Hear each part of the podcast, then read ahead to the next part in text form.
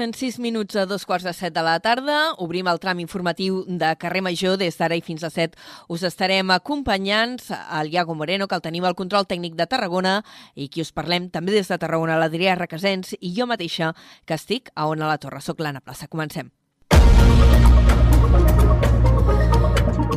I avui obrim l'informatiu situats a la comarca de la Conca de Barberà. L'empresa pública Simalsa ha adjudicat ja les obres d'urbanització del nou polígon logístic de Montblanc. Adrià Requesens, bona tarda. Bona tarda, Anna. Doncs sí, l'obra s'ha adjudicat a una UT per un valor de 9 milions d'euros sense IVA i ens amplia aquesta informació la nostra companya des de Ràdio Montblanc, la Gemma Bufies.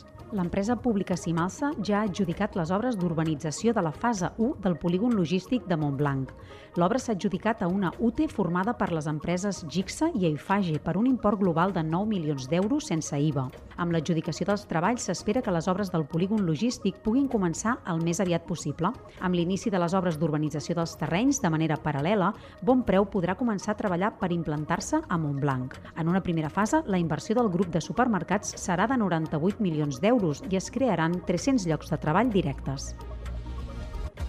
Moltes gràcies eh, per aquesta primera informació que ens arriba des de Montblanc i seguim a la Conca. Ara, concretament, a l'Espluga de Francolí, on s'endureixen les restriccions d'aigua per la sequera. Els talls s'allarguen de 9 fins a les 12 hores del dia. Des de l'Espluga FM Ràdio ens ho explica la Laia Molner.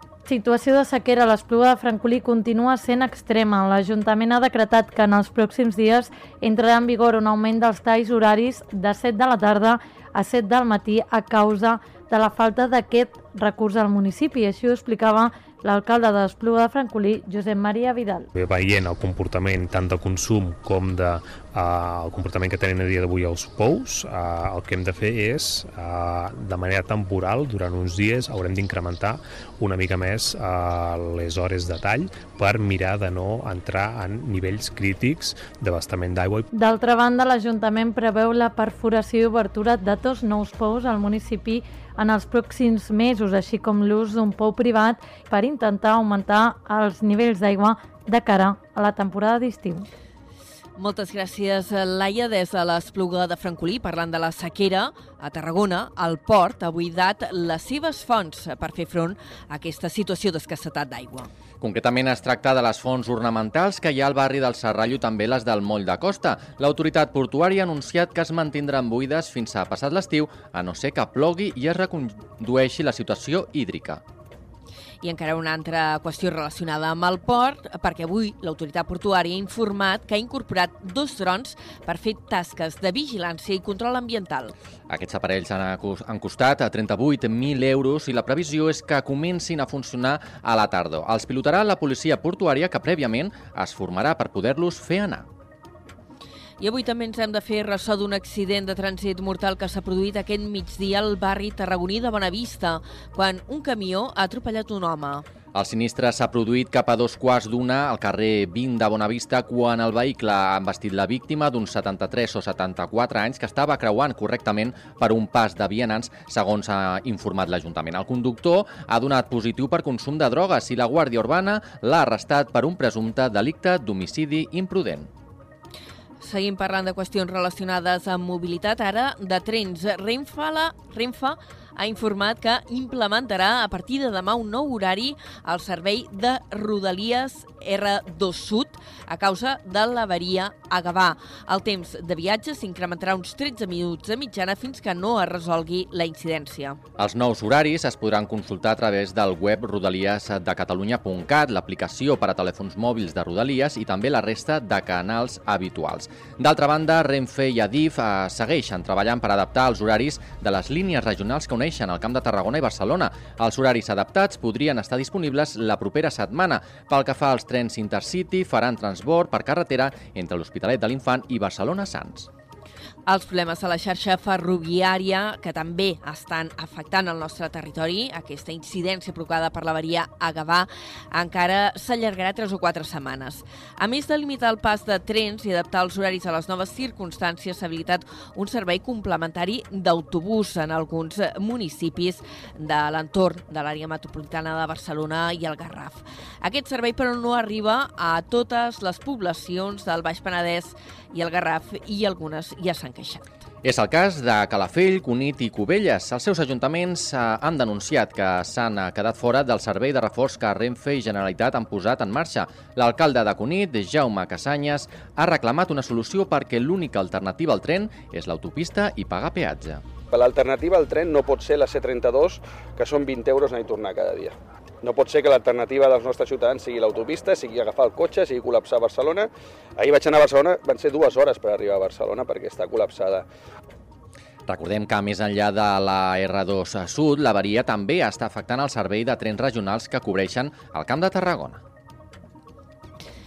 Més qüestions. L'Alcam es posiciona en contra de la línia d'alta tensió que d'unir l'Aragó i Catalunya i que travessarà, a més d'altres zones, aquesta comarca. Un projecte que, de fet, ja ha rebut l'aval de l'Estat. Des de Ràdio Ciutat de Valls ens ho amplia Miquel Llavaria. El Ministeri per la Transició Ecològica avala el projecte de la MAT que va des de la localitat aragonesa de Balmuel fins a Vegas, al Baix Llobregat. Aquesta línia preveu passar per la comarca de l'Alt Camp, d'on ja s'han alçat veus en contra per part de diversos ajuntaments i institucions. Una d'elles ha estat l'alcaldessa de Baix, Dolors Ferrer, que en una piula del seu compte de Twitter oficial es mostra contrària al projecte que qualifica d'energèticament especulatiu i amb greus afectacions al territori. Per altra banda, en l'aprovació penjada al butlletí oficial de l'Estat, l'Estat, el passat 1 de maig el Ministeri exigeix al promotor reduir els impactes mediambientals i, en el cas concret de la comarca de l'Alt Camp, respectar una zona d'alt valor patrimonial de pedra seca entre Puigpelat i Mas Llorenç. Aquest projecte de 180 quilòmetres de línies d'alta tensió, dels quals 154 passen per territori català, ha rebut ja 679 al·legacions, de les quals la majoria són de Catalunya.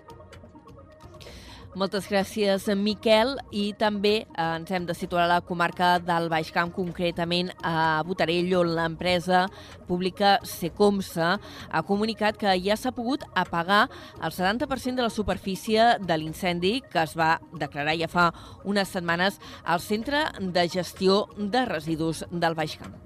De fet, la direcció de Secomsa ha accelerat les cremes controlades i ha rebaixat en 20 o 30 dies la previsió d'extinció del foc. En un comunicat, l'empresa ha informat que des del 15 d'abril, quan els bombers van estabilitzar l'incendi, la previsió de les tasques era d'entre 30 i 40 dies. També assegura que el fum derivat de les cremes no és tòxic per a la població.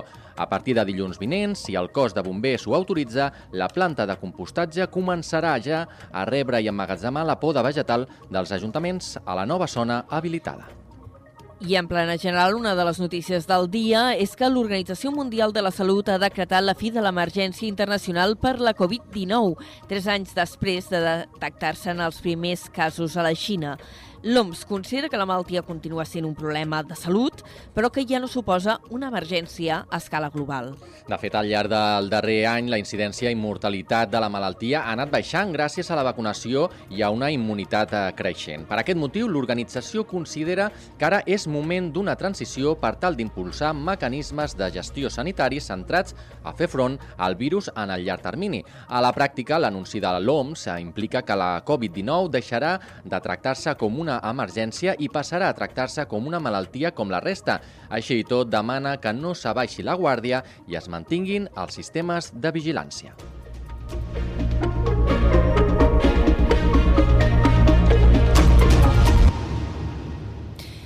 Falten pocs segons eh, per tres quarts de set de la tarda. Entrem en crònica municipal. El ple de Reus ha aprovat avui l'acord d'intencions signat entre l'Arcabisbe de Tarragona per garantir la continuïtat de l'edifici del Centre Catòlic. Un acord gràcies al qual Reus disposarà d'un tercer teatre municipal. Des de la nova ràdio de Reus ens ho explica en David Fernández. L'Ajuntament de Reus ha aprovat en el darrer ple efectiu d'aquest mandat l'acord d'intencions signat amb l'Arcabisbat de Tarragona per mantenir l'edifici del Centre Catòlic. L'acord preveu que entre el consistori i la Diputació es faran càrrec de les obres, mentre que el seu ús se cedirà gratuïtament durant 50 anys a l'Ajuntament. A més, també es garanteix que aquest espai, que es convertirà en el tercer teatre municipal de Reus, seguirà sent la raó social de Bravium Teatre, l'entitat de teatre amateur que s'ha fet càrrec de l'edifici durant 70 anys.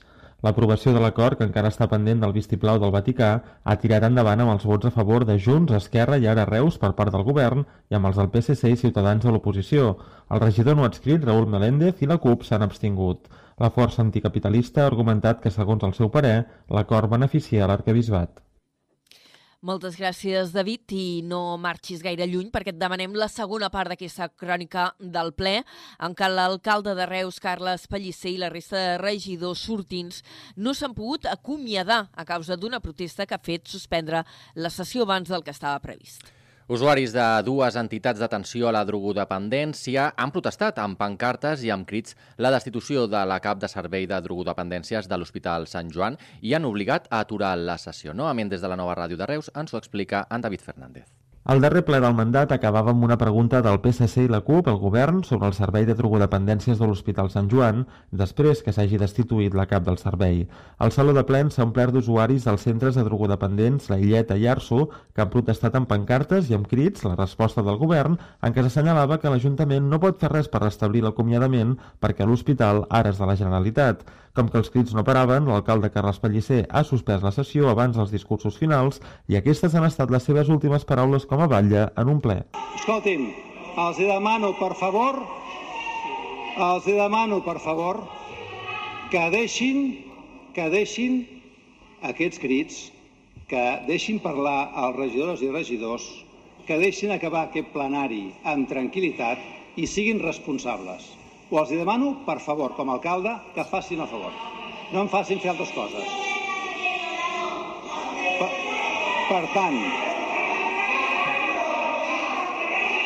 la pregunta, la pregunta, escolti'm, la, pre, la pregunta s'ha acabat. S'aixeca la sessió.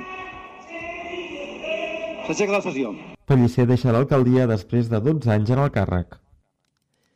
Moltes gràcies, David. Anem ara cap a Torre d'Embarra eh, per explicar-vos que l'Ajuntament tirarà endavant la reforma del carrer Lleida entre finals d'enguany i principis de 2024.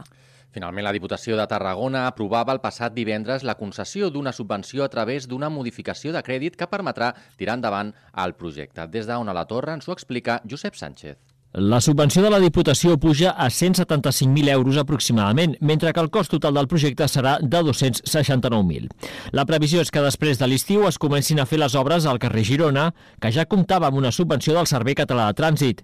Una vegada acabades aquestes, començarien les del carrer Lleida. Amb la reforma d'aquests dos carrers es completaria la creació d'un eix que aniria del carrer Pere Badia al passeig Miramar. L'alcalde Eduard Rovira explica que són dues de les accions previstes a la via pública més importants dels pròxims mesos. Bueno, d'urbanisme, eh, ara les propostes que tenim més importants de cara al mandat que ve és acabar de fer aquest, aquestes modificacions que fem a alguns carrers, com pot ser el carrer Girona i el carrer Lleida, que ja ho tenim endegat i que possiblement les obres començaran el mes de setembre unes Precisament el pròxim dilluns 8 de maig acaba el termini d'exposició pública del projecte d'urbanització del carrer Girona. Moltes gràcies, Josep. I recollim també avui una reivindicació laboral. L'ha formulat la UGT, que denuncia que la Generalitat vol externalitzar el servei del centre d'acollida Xaloc a Tarragona per fer front a la falta de personal. Aquest centre presta servei a menors d'entre 12 i 16 anys que estan sota la tutela de la Direcció General d'Atenció a la Infància i a l'Adolescència. Des de Ràdio Ciutat de Tarragona té tots els detalls la Judit Fernández. A causa del dèficit estructural de plantilla que sofreix el centre d'acollida, van demanar als serveis territorials de Degaia un redimensionament de la plantilla d'educadors socials per tal de poder donar millor resposta a les necessitats dels joves i infants del centre. La resposta als treballadors no va arribar fins al passat 17 d'abril, on els informaven que l'administració havia decidit externalitzar la llarg xaloc. Natàlia Martínez, treballadora social de la Mercè i delegada de Comissions Obreres, assegura que des del centre defensen la figura del reforç educatiu per donar assistència personalitzada als infants. Normalment, quan arriben nens amb necessitats especials, si els hi donen un reforç, eh, aquest reforç treballa només per ell i aquests nens deixaran de tenir els referents que tenen ara mateix per tenir uns altres totalment nous perquè són d'una empresa privada no és el mateix i a més a més tampoc ningú ens garanteix que de cop i volta si ateníem a 48 infants i ara atendrem a 38 ens quedarem tots treballant? No ho crec. Des del centre d'acollida la Mercè destaquen que només un 10% del total dels centres d'infància són públics. A més, reclamen que fa anys que treballen amb serveis mínims i que si no reben resposta dels responsables territorials de Dega i a Tarragona, aniran a buscar-los. Moltes gràcies, Judit. El Port de Tarragona i el Parc Subaquàtic de Tarragona, gestionat per la Societat d'Exploracions Submarines, inauguren aquesta tarda, aquí uns minuts, a les 7, l'exposició Secrets Marins al Port de Tarragona. Una mostra que es podrà visitar de fet fins a l'11 de juny i que servirà per estrenar el nou espai cultural del Port ubicat al carrer del Mar número 6 del barri del Port. L'entrada, a més, és lliure a l'exposició, que estarà oberta els divendres, dissabtes i diumenges, recull imatges, informació de la història del port, la Societat d'Exploracions Submarines i del Parc Subaquàtic. I abans d'apuntar als esports, de passar als esports, apuntem una altra qüestió que també arrenca avui. Eh, avui, de fet, aquesta tarda, es dona el tret de sortir del festival Roses de Reus, la festa d'homenatge a la Rosa, que és l'emblema de la ciutat. Les decoracions estaran exposades des d'aquesta mateixa tarda i fins diumenge en diverses façanes i espais de la ciutat, entre els quals, per exemple, hi ha el Palau Bufarull, el Palau Municipal, l'Institut Pere Mata o l'antic dispensari. Paral·lelament a les decoracions decoracions, el Centre de Lectura ornamentarà amb roses els seus vestíbuls per donar pas demà dissabte al migdia al lliurament dels premis del 76è concurs de l'Exposició Nacional de Roses que organitza aquest històric teatre.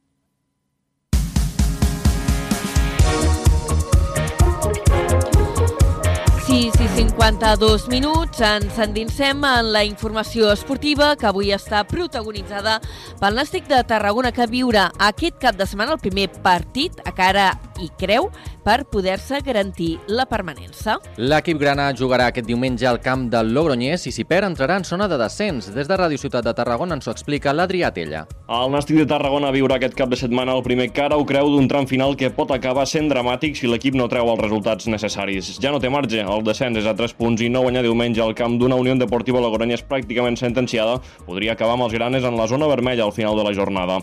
Els tarragonins s'han complicat i molt la vida. Resten 4 partits, 3 d'ells contra rivals directes i l'equip n'hauria de guanyar dos si no vol haver de mirar la resta fins al final. El primer repte serà les gaunes davant un conjunt cridat a estar a la zona alta a principi de temporada i que es veu a segona federació a aquestes alçades. El tècnic Dani Vidal parla de com ha d'afrontar el Nàstic aquest duel. Nosotros vamos a transmitir, bueno, les estamos transmitiendo durante la semana que tenemos que ir a full, que tenemos que ir a gas, que no nos queda otra. Es que hemos mostrado que somos muy fuertes como equipo cuando vamos con el cuchillo entre los dientes. Cuando queremos jugar a otra cosa, os ha demostrado que la categoría te pone en tu sitio, que vives al límite de cada balón, disputas cada acción como si fuera la última, o somos un equipo vulnerable. El partit es disputarà aquest diumenge a partir de les 4 de la tarda a les Gaunes i en directe per Ràdio Ciutat de Tarragona.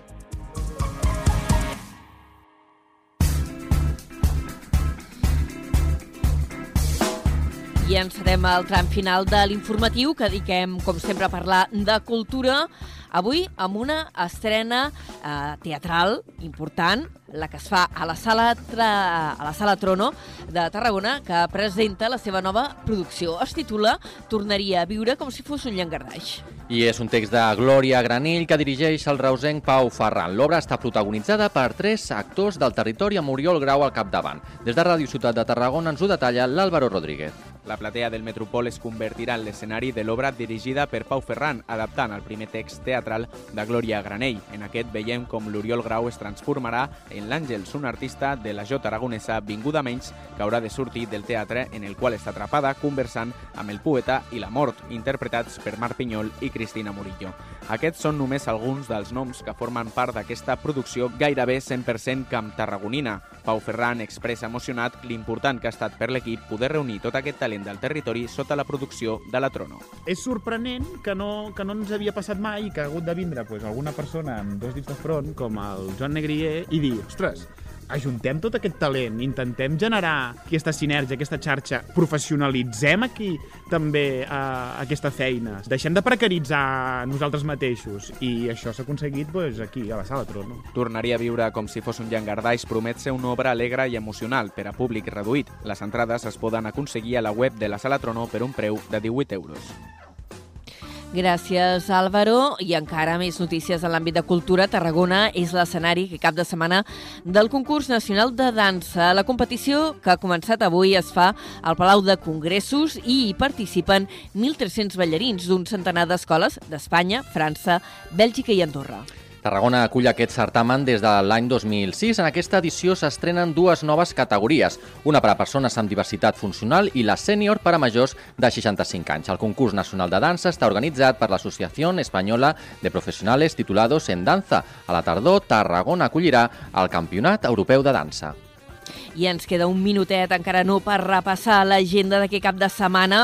Recordeu que hi ha la Fira de Música a Vilaseca i en vam parlar extensament al programa. També és el segon cap de setmana de Dixieland a Tarragona però hi ha moltes altres eh, propostes musicals. Per exemple, ara mateix a les 7 a Tarragona, al Teatre Tarragona, es representarà l'òpera Il Trovatore de Giuseppe Verdi amb els Amics de l'Òpera de Sabadell. Al Teatre Fortuny també hi ha música clàssica avui, a partir de dos quarts de nou, amb l'espectacle Handel Friends and Fus. I demà hi ha una, una doble sessió d'un espectacle familiar, també basat en la música clàssica que es titula Mozart Land.